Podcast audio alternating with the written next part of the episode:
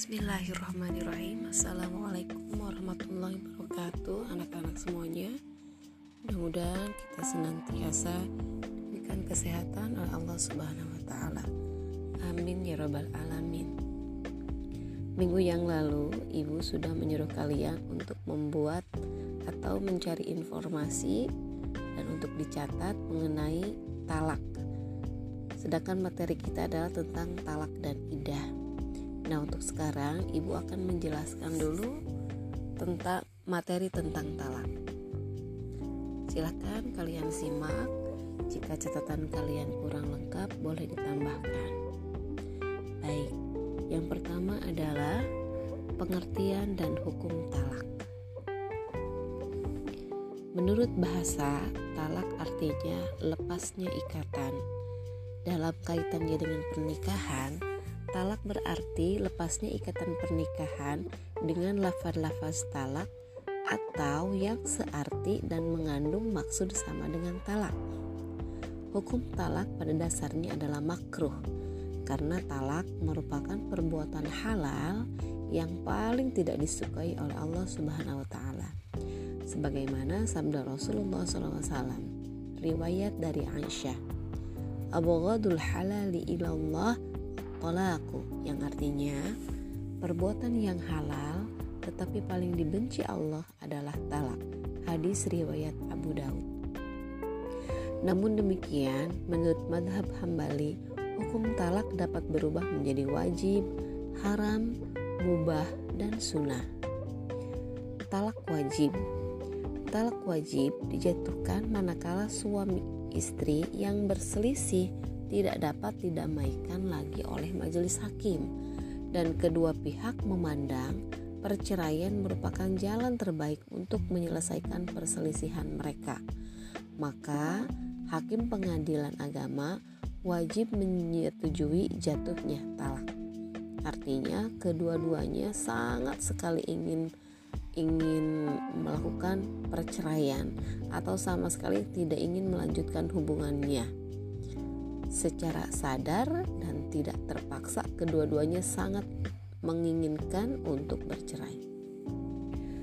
Selanjutnya adalah talak haram. Ialah talak yang dijatuhkan tanpa ada alasan yang jelas dan dapat dibenarkan menurut syarat. Talak yang demikian itu haram dijatuhkan karena hanya akan merugikan bagi kedua belah pihak, baik pihak suami istri maupun anak-anak bagi yang telah mempunyai anak. Jadi, talak ini tidak ada alasan. Ini bisa berarti atau ada orang ketiga yang menginginkan talak tersebut, ya. Nah, talak tersebut jatuhnya menjadi haram karena tidak diinginkan oleh keduanya atau salah satunya. Contohnya lagi laki-laki yang menjatuhkan talak karena tidak tidak mengetahui apa kekurangan dari si istri tersebut. Ya. Yang ketiga adalah talak sunnah. Talak sunnah ialah talak yang dijatuhkan kepada istri-istri yang telah melampaui batas melanggar hukum-hukum Allah Subhanahu wa taala Ahlaknya sudah tidak bisa diperbaiki dan sudah tidak mampu menjaga harga diri dan kehormatannya. ini talak ini sunnah. Seperti yang kalian ketahui, pengertian wajib, haram, sunnah itu termasuk mubah. Kalian sudah pernah sudah mengetahuinya. Jadi talak sunnah ini suami mendapatkan pahala karena sudah mentalak istrinya. Kenapa? Karena istrinya sudah tidak bisa diperbaiki lagi. Ya, jadi walaupun dilanjutkan tidak ada perubahan apa-apa dan dikhawatirkan akan menularkan kepada anak-anaknya. Ya, dapat mempengaruhi eh, nama baik suaminya, nama baik keluarganya. Jadi lebih baik diceraikan saja. Yang ketiga adalah talak mubah, artinya boleh boleh dilanjutkan pernikahannya atau boleh melakukan perceraian atau talak. Talak seperti apa? Ialah talak yang dijatuhkan jika diperlukan. Misalnya, talak yang dijatuhkan kepada istri yang akhlaknya buruk dan dapat diperbaiki dan tidak dapat diperbaiki di kemudian hari. Nah, ini apa bedanya dengan talak yang sunnah tadi? Jadi talak yang mubah ini ada eh, harapan atau suami masih memiliki harapan masih bisa bersabar atas uh, akhlak dari si istri tersebut. Siapa tahu suatu saat nanti, siapa tahu sambil mendidik anak istrinya, sambil dia berharap, artinya dia masih sabar. Nah, yang seperti itu hukum hukum mentalaknya ataupun melanjutkan rumah tangganya adalah mubah, boleh dilanjutkan ataupun boleh ditalak. Nah, lalu syarat dan rukun talak. Syarat apa saja jika yang harus dipenuhi jika akan melakukan talak? Talak dapat dijatuhkan manakala telah terpenuhi syarat-syaratnya yaitu satu beragama Islam, suami istri beragama Islam dan melakukan akad nikah secara Islami. Yang kedua adalah balik, suami sudah dewasa. Yang ketiga adalah berakal sehat, suami tidak dalam keadaan mabuk. Ini disebutkan juga di sini tidak marah, tidak terpaksa, tidak sedang sakit keras, tidak gila dan tidak karena keliru. Jadi di sini suami harus jelas-jelas dalam keadaan sadar dan atas kemauannya sendiri. Kemudian adalah merdeka. Suami bukan hamba sahaya dan tidak sedang ditahan atau dipenjara, ya. Nah, ini bagaimana dengan para istri yang tidak yang ingin mentalak atau ingin ditalak, ya. Itu bisa eh, apa namanya?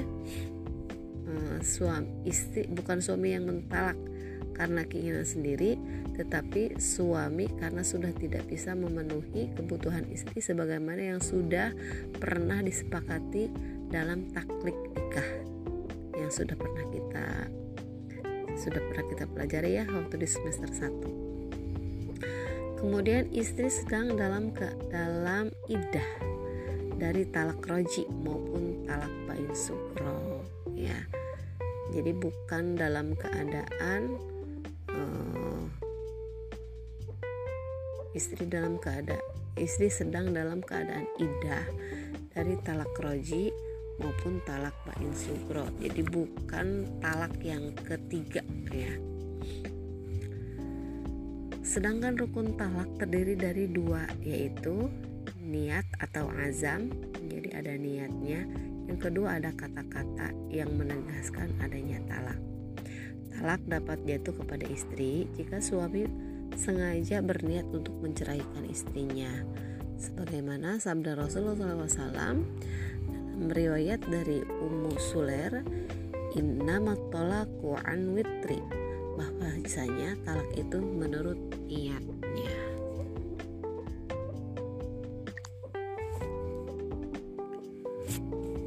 Lafaz talak ialah kata atau kalimat yang digunakan suami untuk mentalak istrinya, baik secara tegas maupun kata talak seperti kalimat kutalak kamu atau saya cerai kamu sekarang maupun tidak secara tegas seperti pulanglah kamu ke rumah orang tuamu atau pergilah kamu dan jangan kembali lagi Nah, itu kalimat yang tidak langsung tetapi dengan maksud e, mentalak atau tidak menginginkan dia lagi. Lafat talak Lafat talak yang dijelaskan secara jelas disebut dengan talak sore. Sedangkan dengan, jika menggunakan sindiran seperti tadi disebut dengan talak kinayah. Lafat talak yang diucapkan dengan bercanda atau bergurau tetap saja sah dan jatuh talaknya sebagaimana nikah yang dilakukan dengan bercanda atau bergurau tetap saja sah dan jatuh dan eh, sebagaimana nikah yang dilakukan dengan bergurau juga sah nikahnya oleh sebab itu, suami tidak boleh bercanda atau bermain-main dengan lafaz talak terhadap istrinya. Perhatikanlah dalam hadis berikut riwayat dari Abdullah bin Abbas.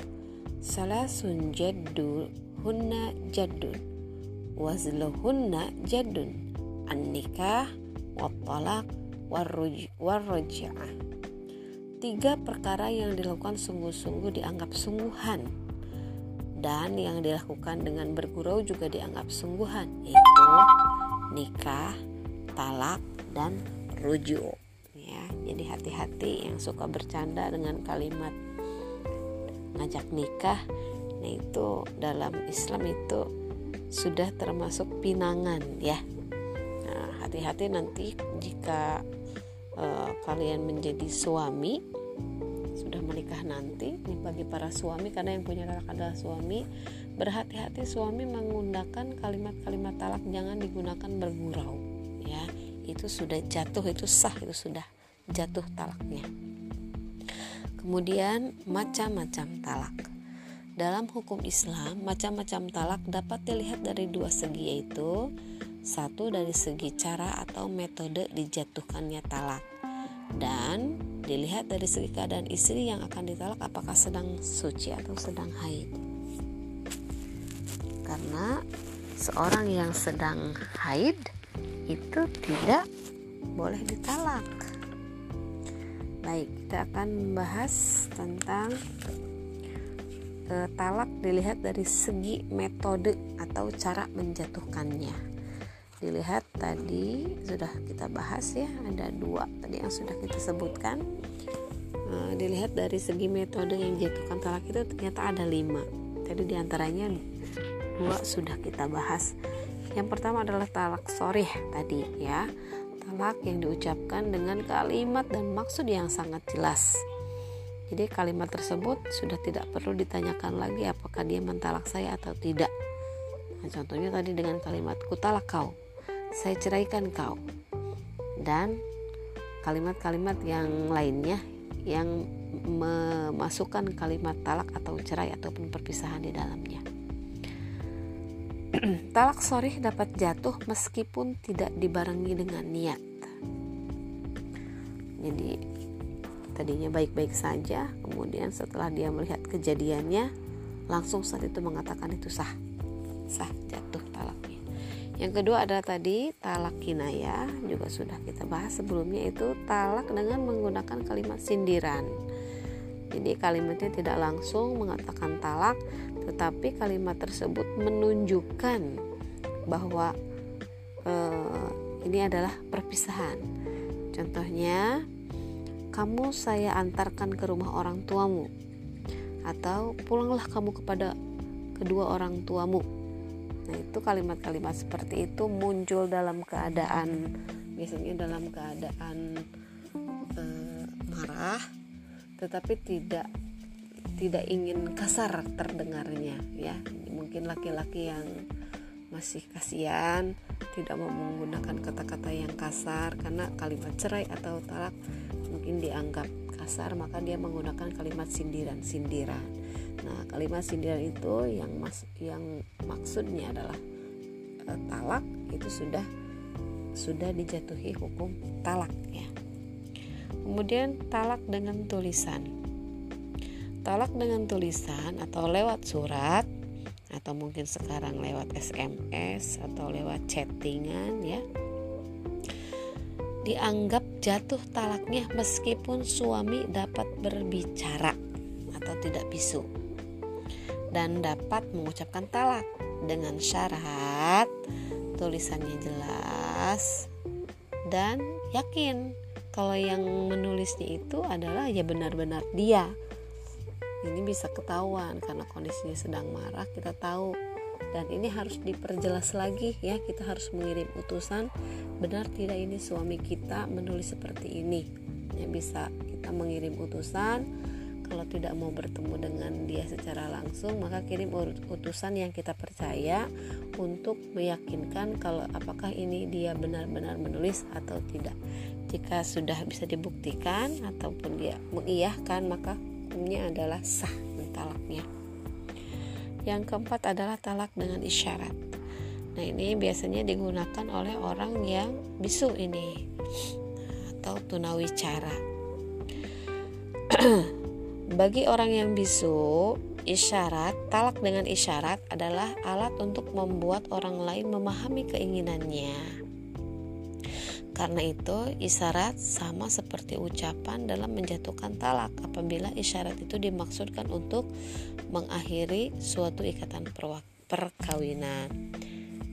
Contohnya eh, seperti kalau kalian lihat ya, bercanda-bercanda kalimat lo gue n nah itu kalimat n yang menunjukkan ke arah memotong leher itu uh, menandakan putus. Nah misalkan kalau seorang suami ataupun istrinya yang bisu bisa menggunakan uh, isyarat-isyarat seperti itu atau isyarat-isyarat yang lainnya ya yang menunjukkan bahwa hubungan kita ini putus yang kelima adalah talak dengan mengirim utusan Talak juga dapat dijatuh dapat jatuh dengan cara mengirim utusan kepada istri. Utusan tersebut kemudian menyampaikan pesan suami yang istrinya menyatakan bahwa istri tersebut telah diceraikan oleh suaminya. Misalnya, utusan itu mengatakan, "Suamimu berpesan kepada saya bahwa kamu telah diceraikan atau ditalak." maka jatuhlah talak satu bagi istrinya itu ya jadi eh, tidak dengan tulisan tetapi dengan omongan secara langsung nah ini kalau misalkan dari pihak istrinya tidak percaya seperti tadi seperti tulisan tadi kita kirim utusan eh, dari pihak keluarga yang dapat dipercaya untuk meyakinkan apakah orang kepercayaan ini benar mengatakan agar kita betul-betul yakin atas apa yang diucapkan oleh suaminya. Seperti itu ya. Mungkin eh belum selesai. Masih satu lagi yang B ya. Dilihat dari segi keadaan istri.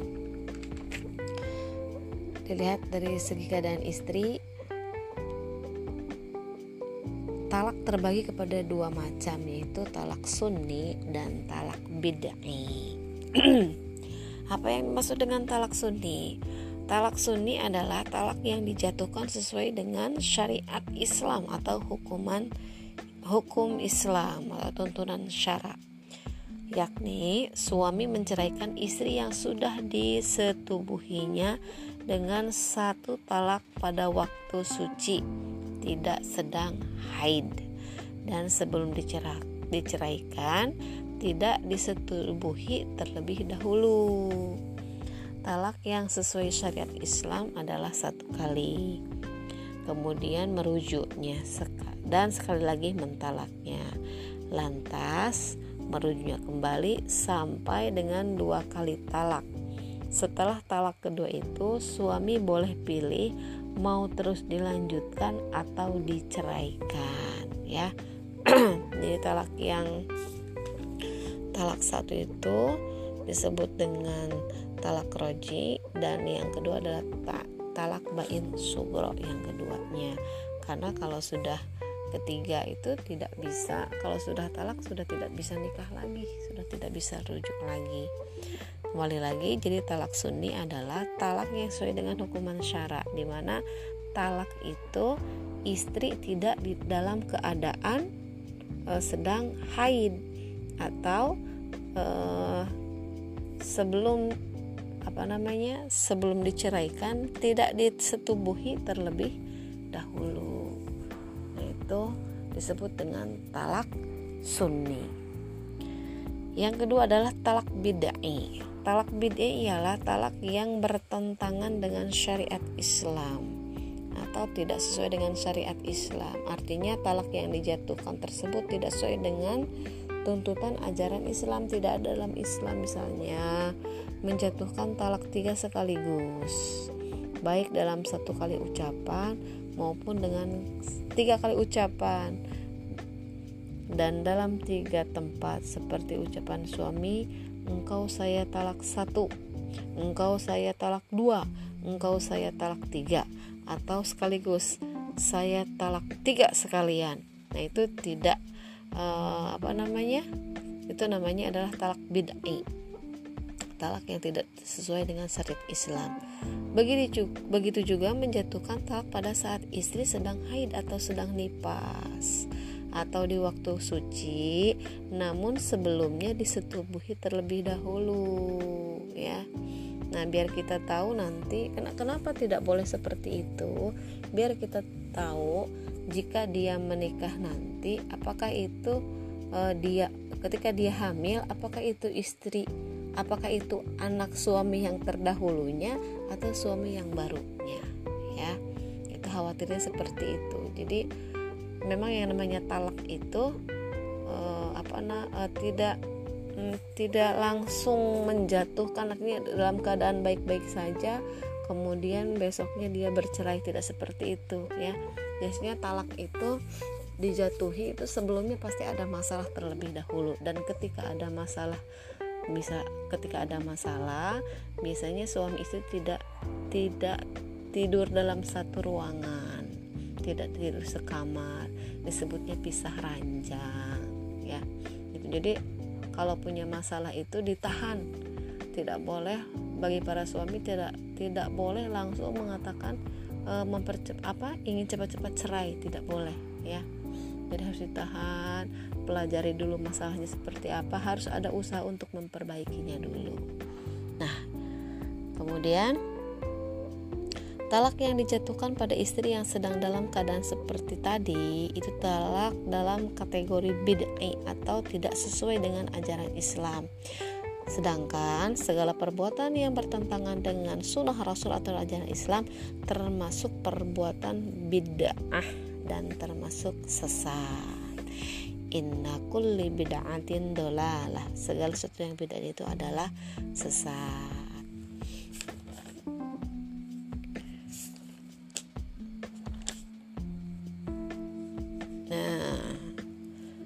itu tentang talak ya yang sudah kalian catat mungkin sebelumnya dan ini sedikit penjelasan yang belum kalian tulis kan belum ibu suruh tulis ya itu adalah tentang bab ida nah, untuk untuk talak mungkin ibu cukup sekian ya nanti kita akan lanjutkan dengan materi iddah jika ada pertanyaan, silahkan kalian tulis ya di grup pertanyaannya seperti apa. Nanti kita akan bahas bersama-sama.